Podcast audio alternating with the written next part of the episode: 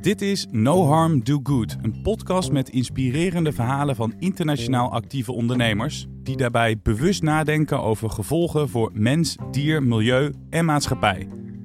Internationaal maatschappelijk verantwoord ondernemen noemen we dat. IMVO. Het gaat daarbij niet alleen om risico's, maar ook vooral om kansen. Door negatieve effecten te voorkomen en te verminderen, maken ondernemers een positieve impact op de wereld om hen heen. Mijn naam is Jelle Maasbach en in deze aflevering spreek ik met Lise Hoordijk, Sustainability Manager van Bugaboo. Dit merk maakt kinderwagens van gebruikte materialen.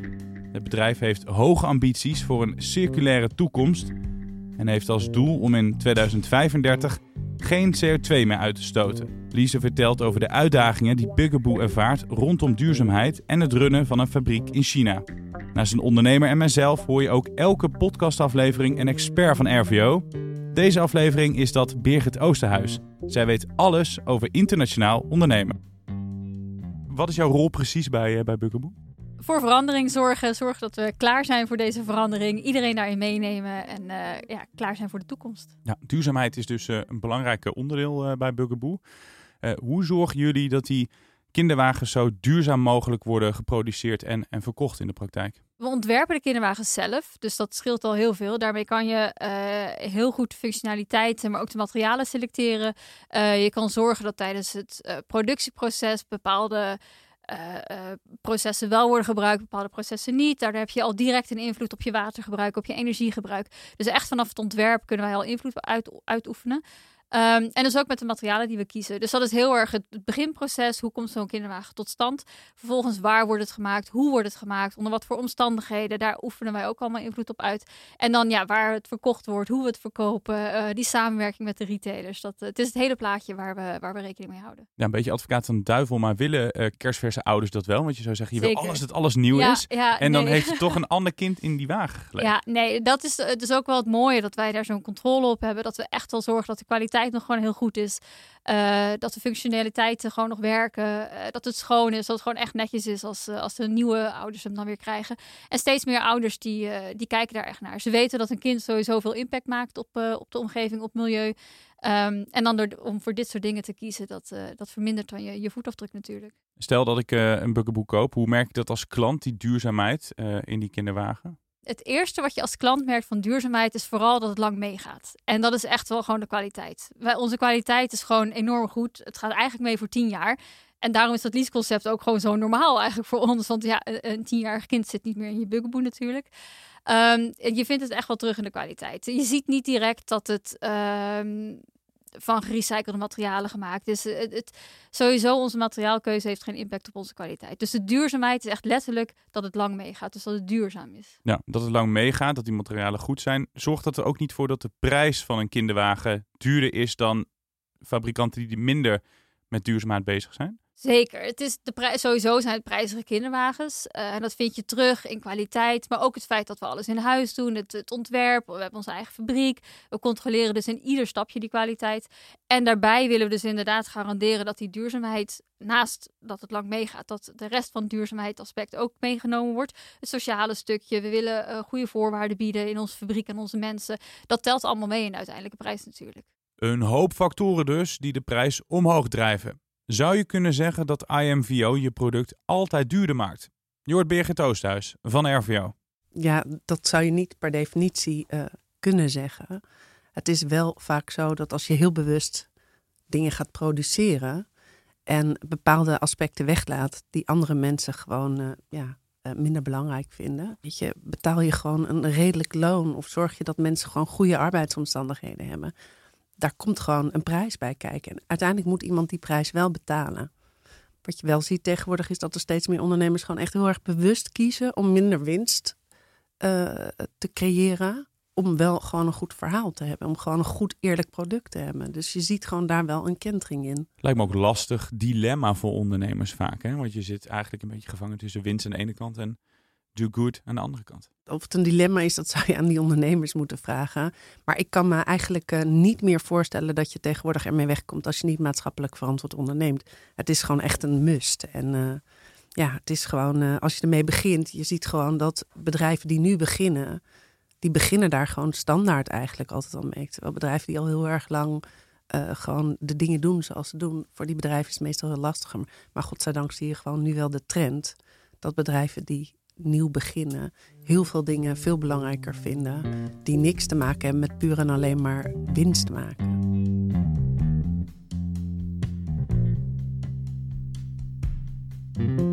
Laten we even kijken naar uh, jullie eh, internationale activiteiten. Want het blijft niet alleen maar bij Nederland. Die kinderwagens rijden over heel de wereld, zou je kunnen zeggen. Waar zijn jullie allemaal internationaal te vinden op dit moment? Bijna overal. Uh, we zitten natuurlijk hier in, in Nederland met ons hoofdkantoor. Dus de Benelux is goed vertegenwoordigd. Maar daarnaast is de UK en de Nordics, dus Scandinavië, die zijn echt ook wel heel groot bij ons. Binnen Europa, Spanje en Duitsland ook hele goede markten. maar we verkopen ook in Frankrijk en in Italië en in alle landen daaromheen. Um, in Amerika zijn we ook al een tijdje actief. En dan zijn we de laatste jaren ook gewoon echt wel goed bezig. Dus zoals Noord-Amerika, Amerika en, en Canada, dus de Verenigde Staten en mm -hmm. Canada. Zuid-Amerika uh, is een emerging market, zoals we dat dan noemen. Dus daar zijn we dan, verkopen we minder, maar zijn we wel mee bezig. in Azië zijn we ook vrij actief. We hebben onze eigen fabriek in, in China zitten, maar daarnaast ook onze eigen verkoopkantoor in Shanghai. Uh, en ook mensen in Korea en in Japan. En, uh, en niet te vergeten Australië natuurlijk. Dat is ook een uh, goede markt. Ja, want dat vind ik wel een, um, een belangrijke. Die fabrieken, die staan alleen in China? Of, of staan er nog in andere landen nog fabrieken nee, Nee, echt in China. Um, is niet gelijk het land waarbij je denkt aan maatschappelijk verantwoord ondernemen. Nee, het land niet, um, maar de fabriek wel. En het is een beetje, we hebben al wel eens gekeken, willen we daar dan blijven als, als merk zijnde? Um, maar uiteindelijk is het echt een beetje onze, ons, ons uh, knowledge hub geworden. Het is echt wel een kenniscentrum wat daar zit van ons. Wij zitten daar al ruim tien jaar. Ik denk ondertussen uh, bijna veertien jaar dit jaar, denk ik. Ja. Um, dus dat is echt al wel lang. En die fabriek, uh, onze eigen fabriek, we komen daar normaal gesproken echt wekelijks. Dat er mensen zitten vanuit Bugaboo. De, de, controle is heel goed. Ze hebben dezelfde code of conduct als, als wij hebben. we hebben daar ook heel veel lokale teams die de kwaliteit dus ook weer waarborgen. En omdat we daar onze eigen fabriek hebben, hebben we ook een heel goede stap en dichte link met al onze subsuppliers. Dus we weten heel goed waar onze producten en onze materialen vandaan komen. En daarmee hebben we hele goede controle uh, op alles. Ja, dus eigenlijk zeg je, die fabriek die staat wel in China, maar daar zit een heel westers team omheen die de boel controleert. Nee, ook een lokaal team. We hebben daar heel veel goede lokale mensen werken die, die ook al dus ook al 14 jaar voor ons werken, gewoon vanaf de start van de fabriek. Uh, die daar verantwoordelijk zijn voor de kwaliteit, die daar uh, kwaliteitsmanager zijn, die daar logistiek manager zijn, die echt wel daar lokaal. Uh, tuurlijk, wij praten iedere dag met ze vanuit, vanuit hier, vanuit heel de wereld. Hebben we iedere dag contact met onze collega's in China. maar zij daar controleren zelf de, de subleveranciers en de toeleveranciers en alle materialen die, die daar vandaan komen. Maar dan zou je ook kunnen zeggen, zo'n fabriek kan je ook bijvoorbeeld in Polen zetten. Of iets, iets dichterbij. Zeker, maar dat is niet zo makkelijk om zomaar te zeggen, we gaan nu naar Polen uh, en we zetten daar hetzelfde op als wat we daar nu hebben. Uh, we hebben zulke hoge eisen aan en de werkomstandigheden en dus inderdaad de kwaliteit van de producten.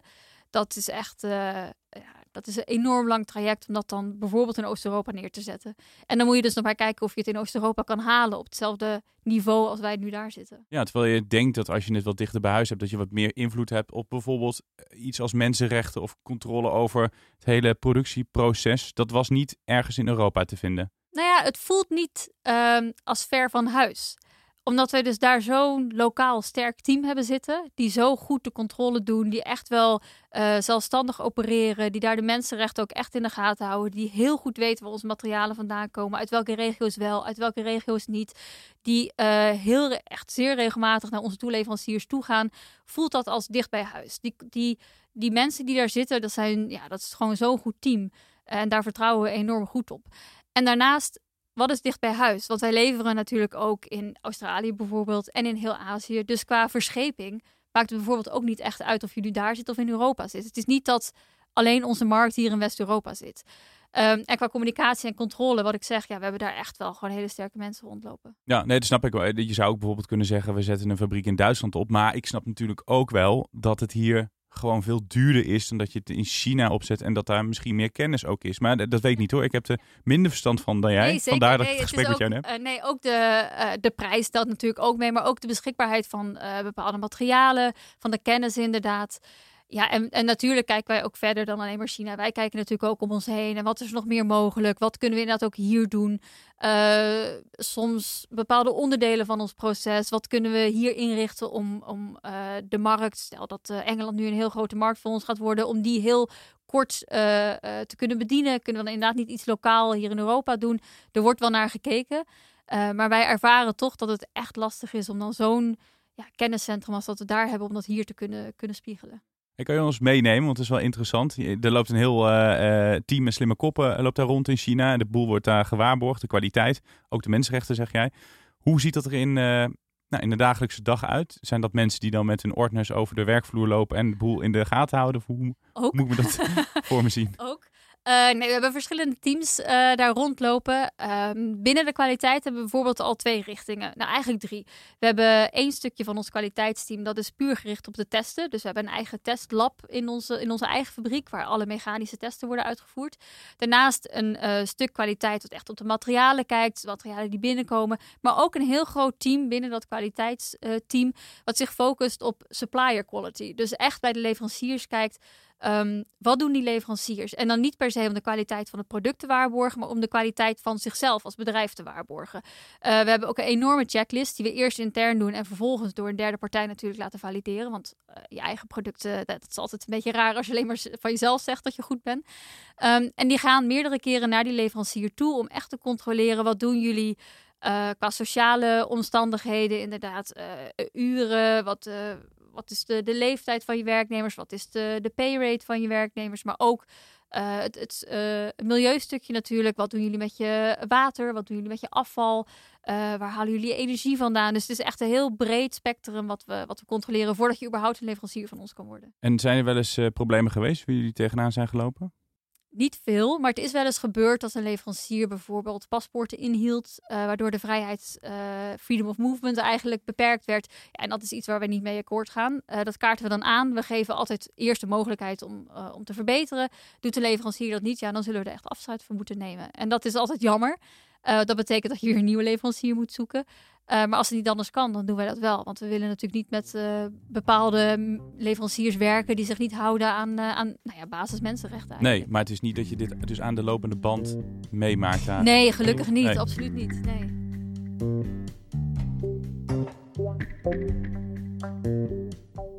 Ondernemen in China brengt dus risico's met zich mee en op sommige vlakken moet je net wat alerter zijn.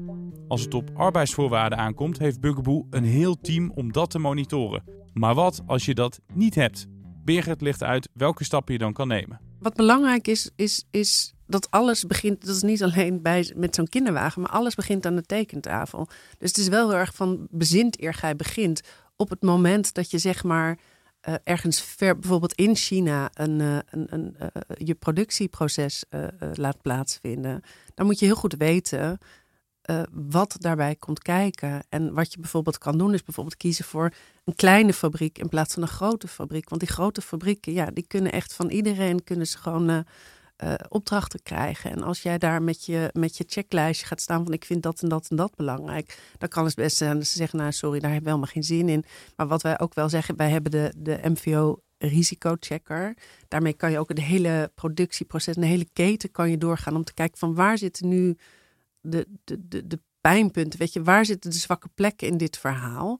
Maar als je, zoals Bugaboo, kan werken met een lokaal team, dan scheelt dat wel degelijk.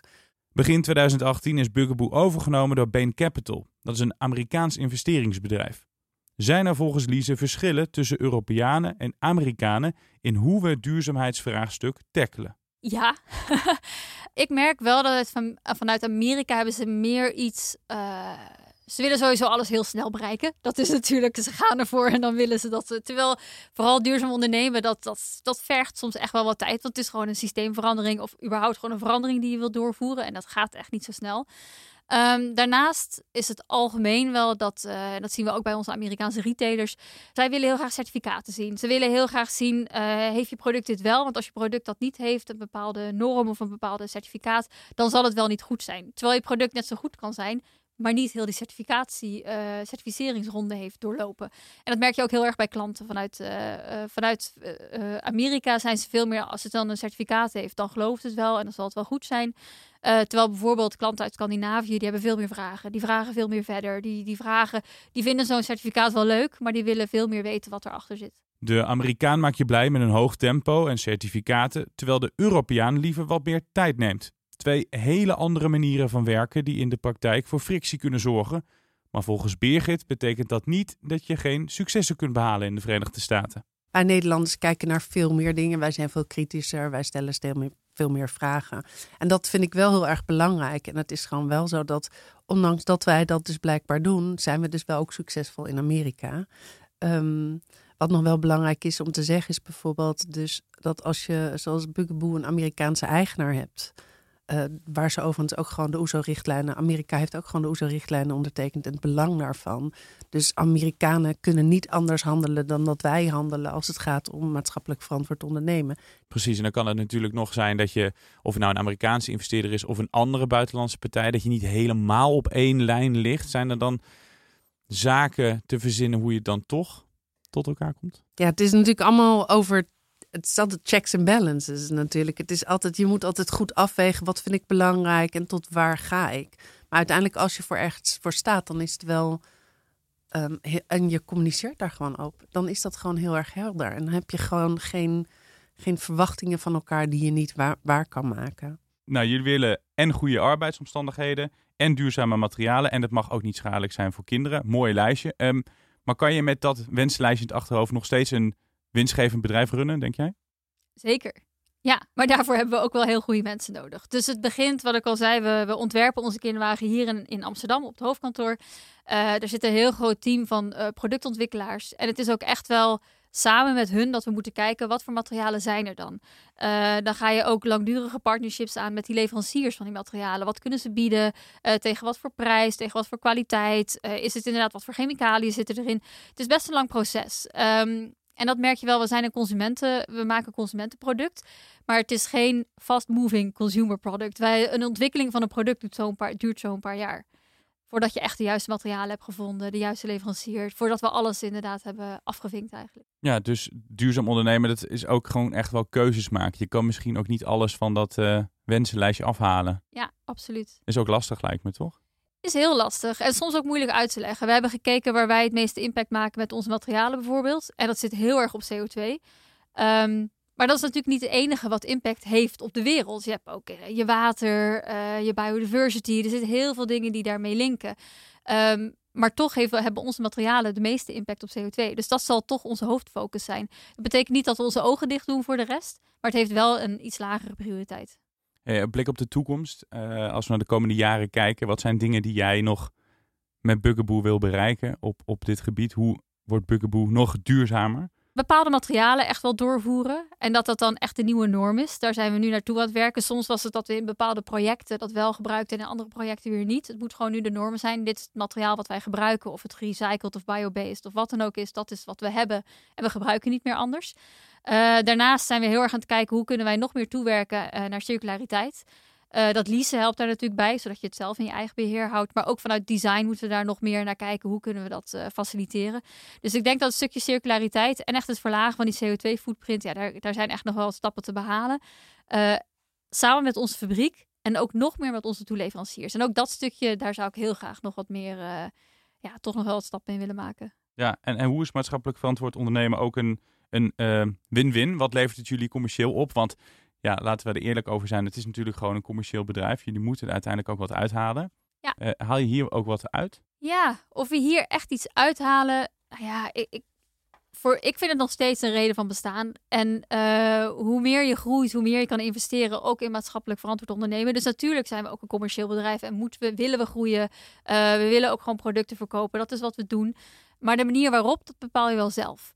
Um, en dan voor de commercieel iets uithalen, ja, ik denk het wel. Wij kunnen trots en open zeggen waar onze producten vandaan komen, uh, hoe ze worden gemaakt, waar ze worden gemaakt, door wie ze worden gemaakt. En ik denk dat we daarmee ook onze klanten beter aan ons kunnen binden. Uh, ons gewoon ja, iedere dag veel beter in de spiegel aan kunnen kijken. En daarmee echt die trots, denk ik, die je dan als bedrijf genereert. ja, dat, dat blijft hangen bij iedereen die werkt bij Bugaboo. Volgens Lise is IMVO dus the way to go. Niet alleen om het vertrouwen van de klant te winnen, maar ook om binnen je bedrijf goodwill te kweken. Toch denken we vaak dat duurzaam ondernemen nu nog vaak te duur is. Volgens Birgit moeten we verder kijken dan alleen de euro's. Het gaat dus veel verder dan veel geld verdienen. Het is een combinatie van allerlei factoren. En er zijn gewoon gelukkig wel veel bedrijven. Uh, kijk naar Boogaloo, kijk naar uh, Tony Chocoloni of, of Verstegen Spijzes. Die gewoon zeggen van nou, weet je, wij, wij nemen genoegen met minder winst. Maar we willen heel graag gewoon maatschappelijk verantwoord datgene doen waar we goed in zijn. Ja. Dus het is, het is ook het is een keuze ook natuurlijk. En dus het, kan eigenlijk wel samengaan. Het kan wel degelijk samengaan. Maar het is wel, het is wel, het is niet, het is niet automatisch dat het gewoon. Het is ook, weet je, je moet ook heel veel investeren voordat je uiteindelijk daar echt uh, goede winst mee maakt, weet je. Duurzaam ondernemen en winst maken is niet onmogelijk. Je moet alleen niet wachten dat het allemaal vanzelf gaat. Lise weet dat maar al te goed en heeft daarom tips voor ondernemers die de stap naar IMVO willen maken. Wat ik net zei, kijk waar je als bedrijf impact hebt. Dus inderdaad, waar ligt jouw impact? Probeer die focus te creëren, omdat je anders te veel dingen doet en uiteindelijk eigenlijk niks doet. Dus om echt impact te hebben, moet je een focus hebben binnen je bedrijf en ook weten waar je als bedrijf dus die impact hebt. Um, en daarnaast, kijk om je heen. er zijn zoveel initiatieven, er zijn zoveel bedrijven, er zijn zoveel, wat ik net al zei, certificaten. Er zijn heel veel kenniscentra's van alles wat er al is. Um, gebruik dat. Want duurzaamheid, dat is echt iets wat je samen moet doen. Dus echt uh, samenwerken, dat is, uh, dat is hoe je verder komt. Dank aan Lise Hoordijk van Bugaboo voor het delen van hun verhaal. En natuurlijk ook aan Birgit Oosthuis van RVO. Dit was No Harm Do Good. Wil je zelf aan de slag met duurzaam verantwoord ondernemen in het buitenland? En wil je weten hoe je dat precies doet over de grens? Bekijk dan onze tips op rvo.nl/imvo-tips.